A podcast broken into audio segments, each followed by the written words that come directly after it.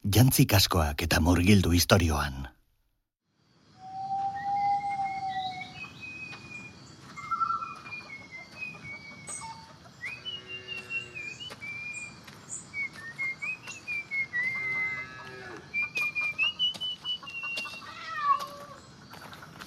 Kaixo, Mixi.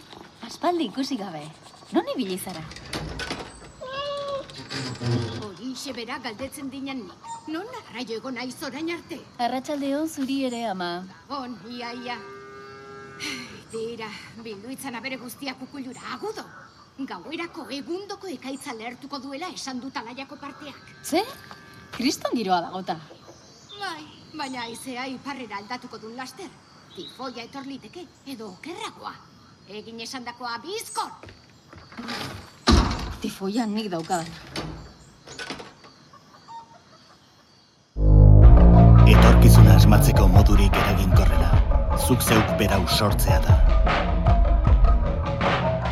Archipelagoa, lehen sasoia. Laugarren atala. Dragan arrua.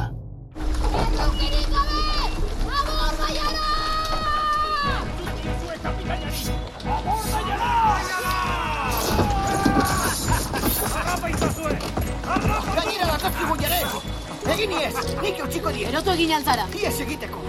Orain! Ni ez noa inora zu hemen utzitan izar. Ze uste duzu egin ezakezula zuk bakarrik seiren aurka. Mutikoaren, zuek harrapatu. Ni neskazarkuna. Egi jozu kasu neskari gizontxo. Berak ez duzu bezain ergela maten. Zuli, zuen ontzira! Edo zer, esku artean duzun ezpatori gure aurkara behitzeko asmoa duzu? Edo putz eta putz eta putz egingo duzu eta gure etxetxoa behera botako duzu. Hemen, otxok gaiztoa ninda ez txikito. Ez egin oiartxoarena zure neskaren aurrean ondo geratzeko. Nizar, utzi ezpata hori orain. Hori izar, egiozu kasu jareri behingoz eta askatu ezpata. Hori da, mutil txintxo. Haizu, zuk nola arraio dakizu nire izena. Esan dut lehen ere, neska hau ez da baten ergela.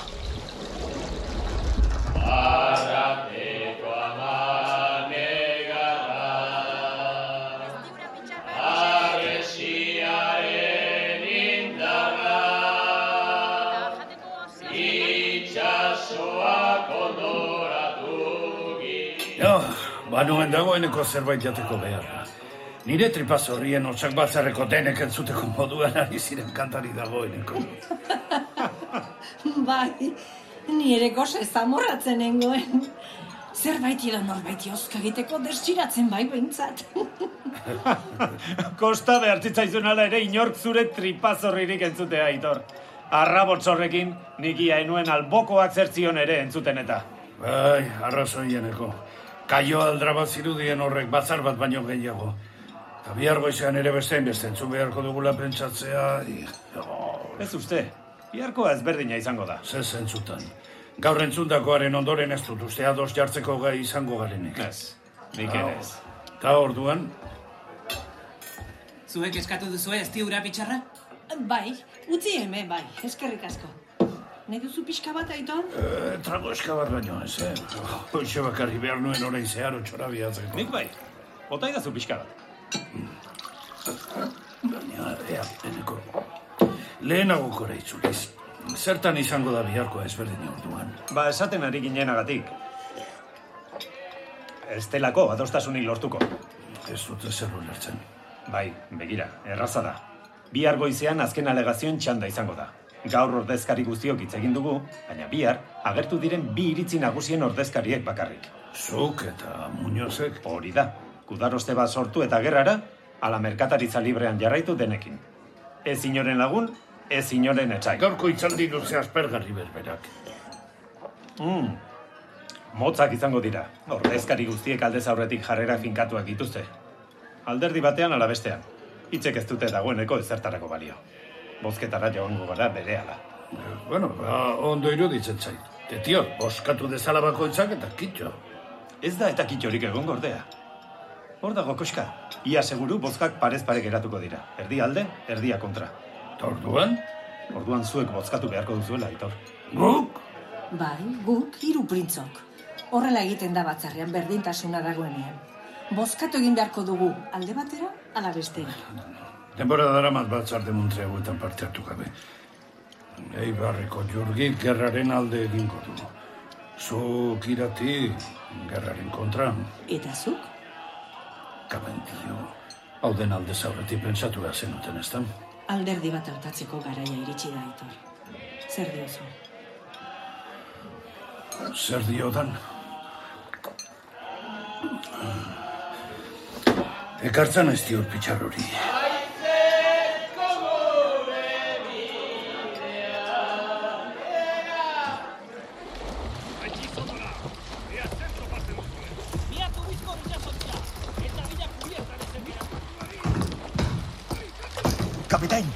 Bizkorri bili behar dugu.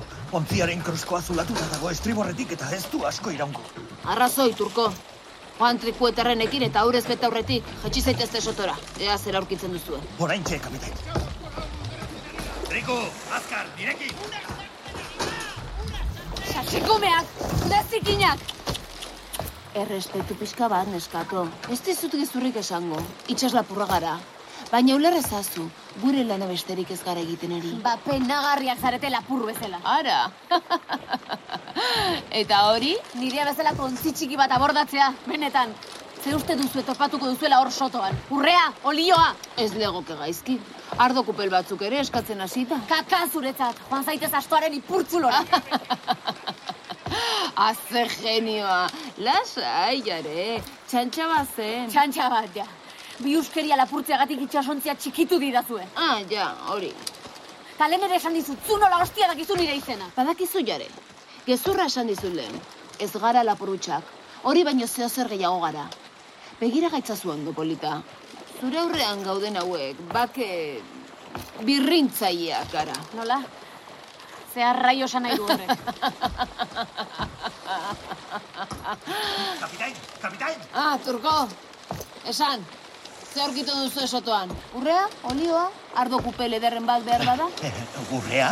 Nah, utzi. Etzen nuke ulertuko. Buztana luzea bai, baina burua motza. Ondo, zera, bueno, urrerik ez, baina burdina topatu dugu nagusi. Burdina? Bai, hiru bat zaku. Eta kalitate honekoa dirudi gainera. Ondoratzearen aurretik landutakoa. Hau bai enuela espero. Hortaz, badirudi gu ez garela hemengo lapur bakarrak. Epan pintxo? Nik ez dute zer lapurtu. Noski bai ez. Motorretako metala, ez da horren erraz eskuratzen. Geratu zen apurra, euren jabeek ondo gordea dukitzen dute. Ongi dakit nik hori. Burdin hori nirea da. Jakina. Eta orain, nirea. Nola zen? Lapur bati lapurtzen Ez diona... dudala ezer lapurtu hostia. Urpetik atera nuen. Urpetik. Kapitain,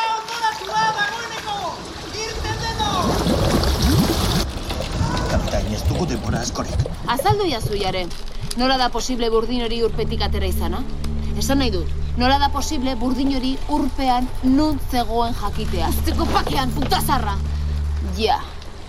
Zu pilatzaile bat zara, ez da? Zu bezalakoi buruz historiak entzuna nituen. Baina fantasia hutsa zirela uste izan dut orain arte. Baina ez, ez da? Jare?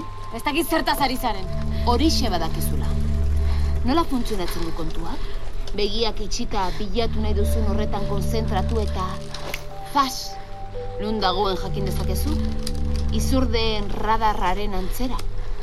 Eta saidazu politorrek. Burdinarekin bakarrik egin dezakezu, edo bestelako gauzekin ere bai. Kapitain, alde egin behar dugu. Eta hau?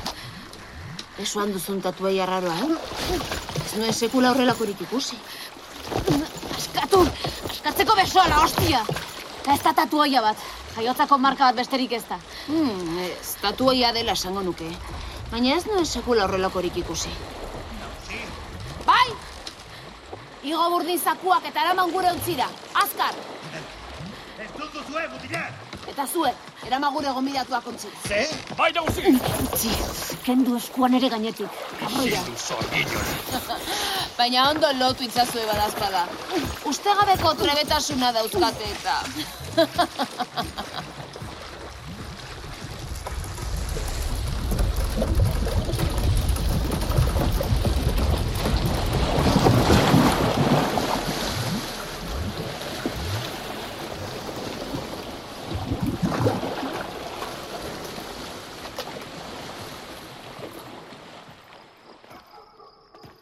Bake pixka bat ondo etortzen da, eh, aitor. Egunaren amaieran gutxienez, arnaz pixka bat. Bakea, ez dakit ba. Zakur basati madarikatu hoien zaunkak ere gertu xamarren zuten dira. Herriko arresiek babesten gaituzte, ez kezkatu. Bai, bai.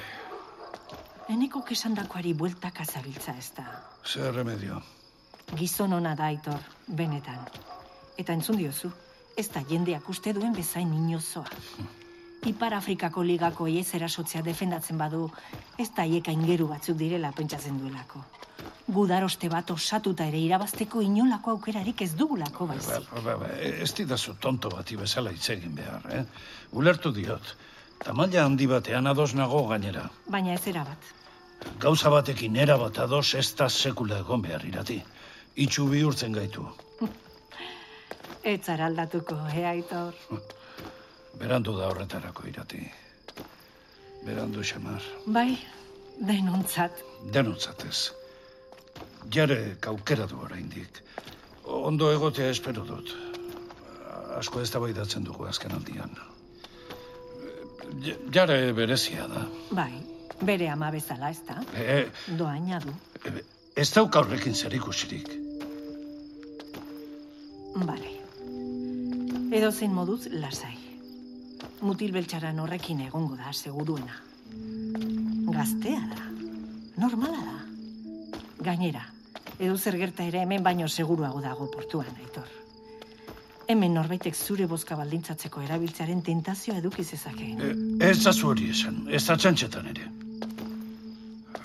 Baina bai, arrazoi duzu. Seguruago dago gure gandik urrun bai.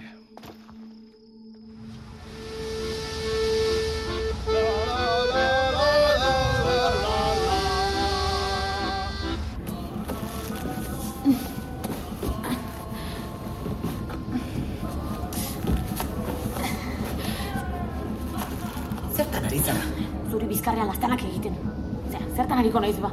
Soka, nazkagarri hauek askatzen saiatzen. Alferrik zabiltza. Oso estu lotu gaituzte. Eta begira ze soka lodiak diren gainera. Ez dago zer eginik. Ezkerreko eskua pur bat gorago luzatzea lortuko banu. Ah! Korapilo horratzean dagoela uste dut. Egon zaitez, geldi. Eta ez atera inbesteko zaratarik. Entzun egingo gaituzte eta orduan okerrago izango da. Zu konturatzea altzara hor kanpoan daukaten iskambilaz. Tira, utiozu behingo zure buruaren erruki izateari eta lagundu pixka bat hemen. Bestelaren nahiko zaila badata. Enizu kasurik egin behar jare. Zertan? Aurre egin behar nien pirate izuki esegin alizateko. Ies egin? Zer egin behar nuen? Uretara saltu. Ba bai, hemen egote baino be litzateke. Bere larrapatuko ninduten nizar. Eta zuk duda izpirik egin gabe bertan akabatuko zintuzten. Horrek ez ditu xura. Eriotza baino gauza okerragoak badaude. Bai, ados nago. Ardori gabeko okun bat, adibidez. Ai, barkatu etetea. Segi, segi, elkarrezketa interesgarria jartzen ari zen. Tira, ez lotxatu. Segi, ni ez banengo bezala. Ze hostia nahi duzu gugandik. Ai, atxeina izaten saiatzea alferrik da batzuekin. Ea ba, mesedetxo bat egin behar didazue. Laburra izango da, ez kezkatu. Honako testu hau irakurri behar duzu soilik. Zuk, jare, lerro hauek. Eta arabiarrez dagoen zatia, beste norbait neukan burua, baina nik uste, nizar, zuk irakurtzen baduzu, perfektu geratuko dela. Zeharraio da. Ipar Afrikako ligako soldaduek baitu naute. Baina orain du ondo nago aitona. Zen fartxa mota da. Ai, kexarik niri ez, nik ez dut idatzi. Nik Ez dit soilik. importan hor idatzi duen kakao. Ez dut inolako baiketa faltxuren mezurik irakurriko. Ara, ze pena. Ze orduan ez dut beste Eta horreztu itzazu mehatxuak mesedez. Nahiago dut hil aitonari mezu hori bidali baino. Nolako azaren. Txakur txiki zaunkari horien modukoa, ze moñoina. Baina oker zaude, ez ninduan zu mehatxatzera. Lehen esan duzuen moduan, eriotza baina gauza okerragoak daude. Adibidez, zure laguntxua hil arte torturatzea.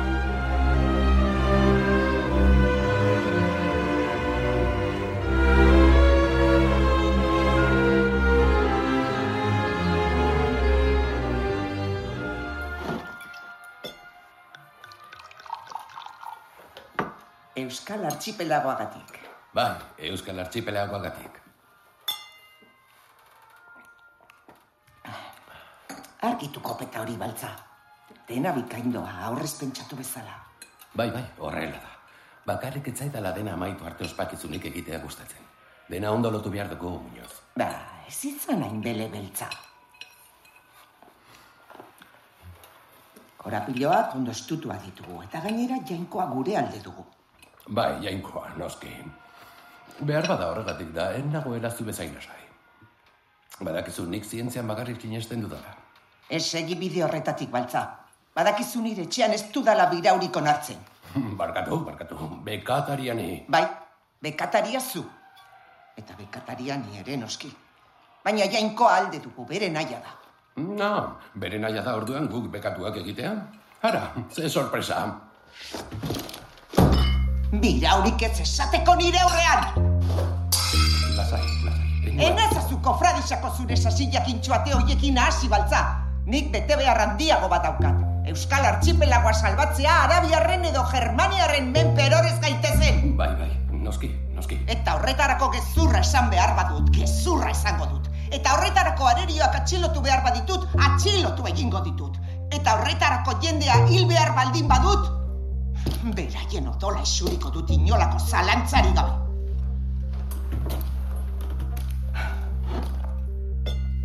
Hau gerra bata baltza. Eta ez dago errugaberik. Denok ara bekatariak. Zu, ni, denok. Baina jainkoak barkatuko gaitu. Asola duen bakarra irabaztea da. Bai, irabaztea, noski. Euskal Archipelagoagatik. Hori da. Jainkoagatik eta Euskal Archipelagoagatik. Eta orain utzi da zu bakarrik. Zoaz lotu behartzen dituen ari muturroiek lotzera. Nire errezurako garaia da. Bai, bada, irrati komunikazio bat egin beharra dukat. Amor Maria, graziaz betea jauna dago zurekin. Bedenkatua zara zu Andre guztien artean. Eta bedenkatua da zure sabeliko frutu, Jesus.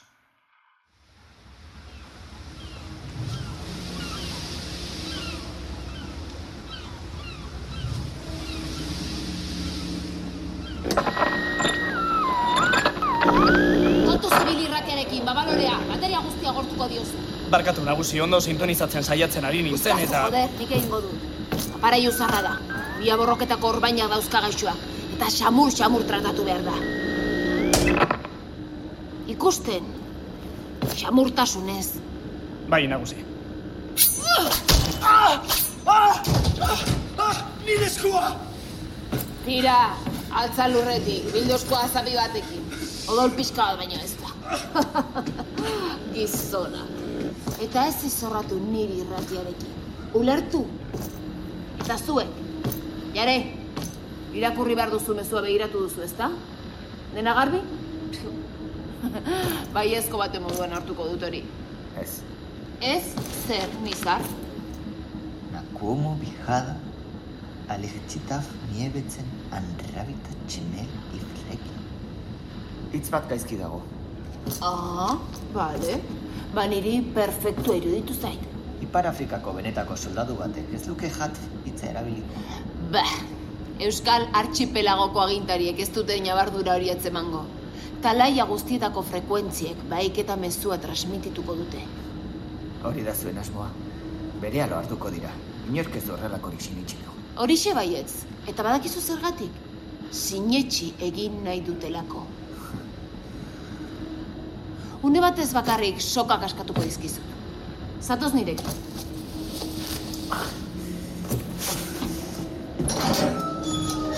Zu, musulmana zara.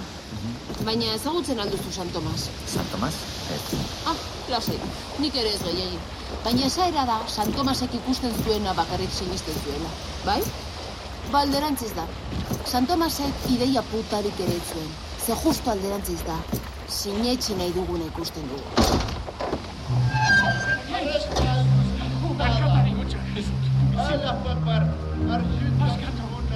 Batla, baina nortzu dira sotoan lotuta dituzun isaixauek.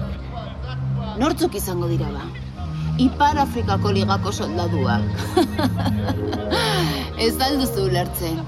Zuen mezua entzun eta beste hauen gorpuak ikusten dituztenean, zer uste duzu sinitsiko dutela Euskal Archipelagoko agintariek? Eh?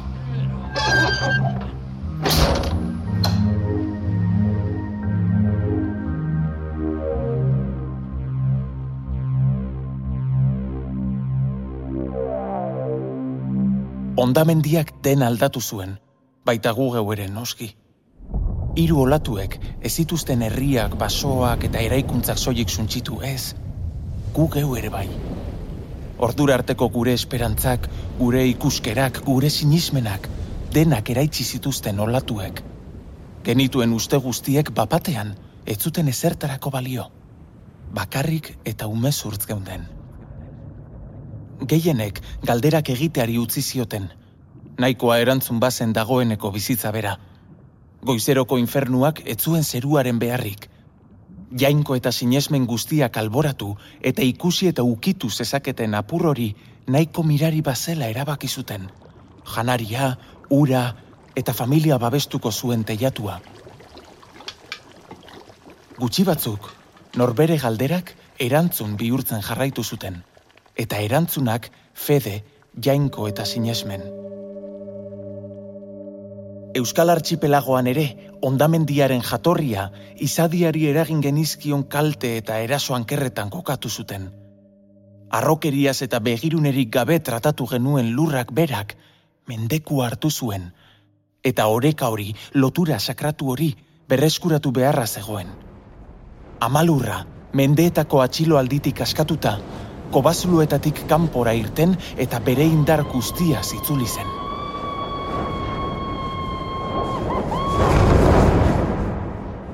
Beste gutxi batzuk aurreko fedeari eutxi genion leial. Ainguratuok adibidez. Ermita usantuen irakaspenei jarraiki, dilubioaren eta apokalipsiaren testuak berrirakurriz, gure bizitza txirotasun eta meditaziora bideratu genuen, jaungoikoaren barkamenaren zain. Baina aurreko fedeari eutxiz, ondamendiaren beste irakurketa estuago batzuk egin zituzten beste apur batzuk ere badaude. Haien ustetan, munduak eta are elizak berak ere, jainkoari bizkarra eman zion pekaturako bidea hartuta. Horregatik bidali zuen bere zigorra, bere aingeruen mendekua. Orain, jendeak lehenagokora itzuli behar du. Jainkoaren beldur eta elizaren esanetara. Ez dago beste biderik salvaziorako. Azken epaiketaren trompetak joak baitaude dagoeneko, pekatarien zigor handiaren esperoan.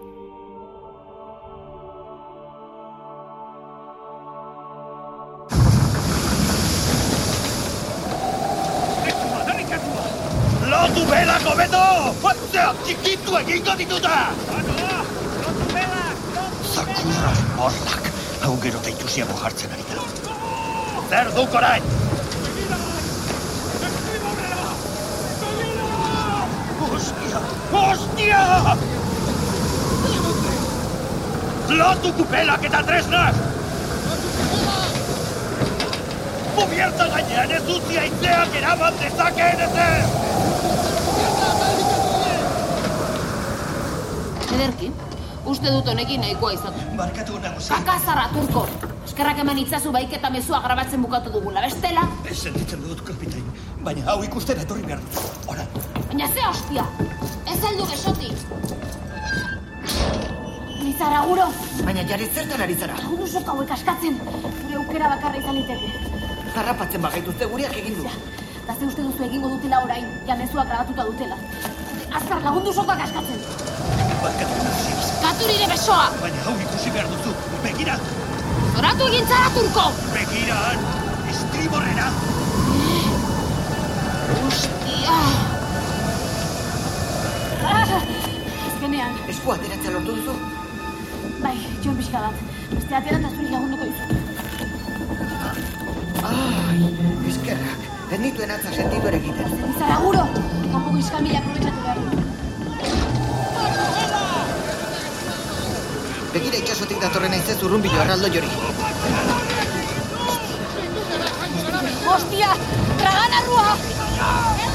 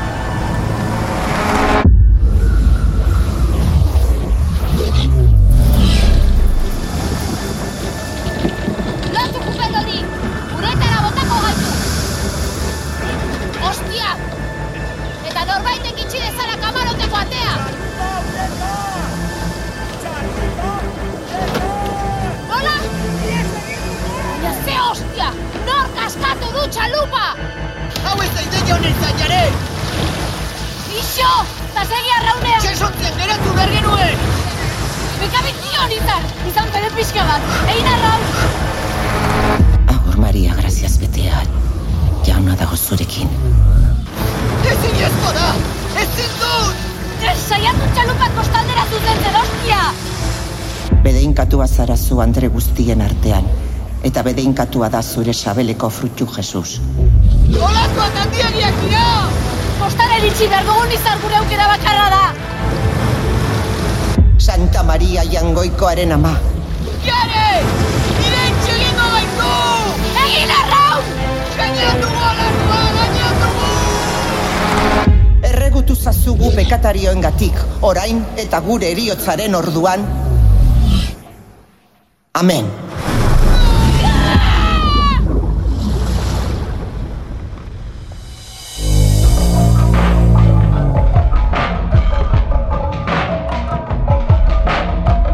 EITB podcastek eta Ulu Mediak egoitzitako saia.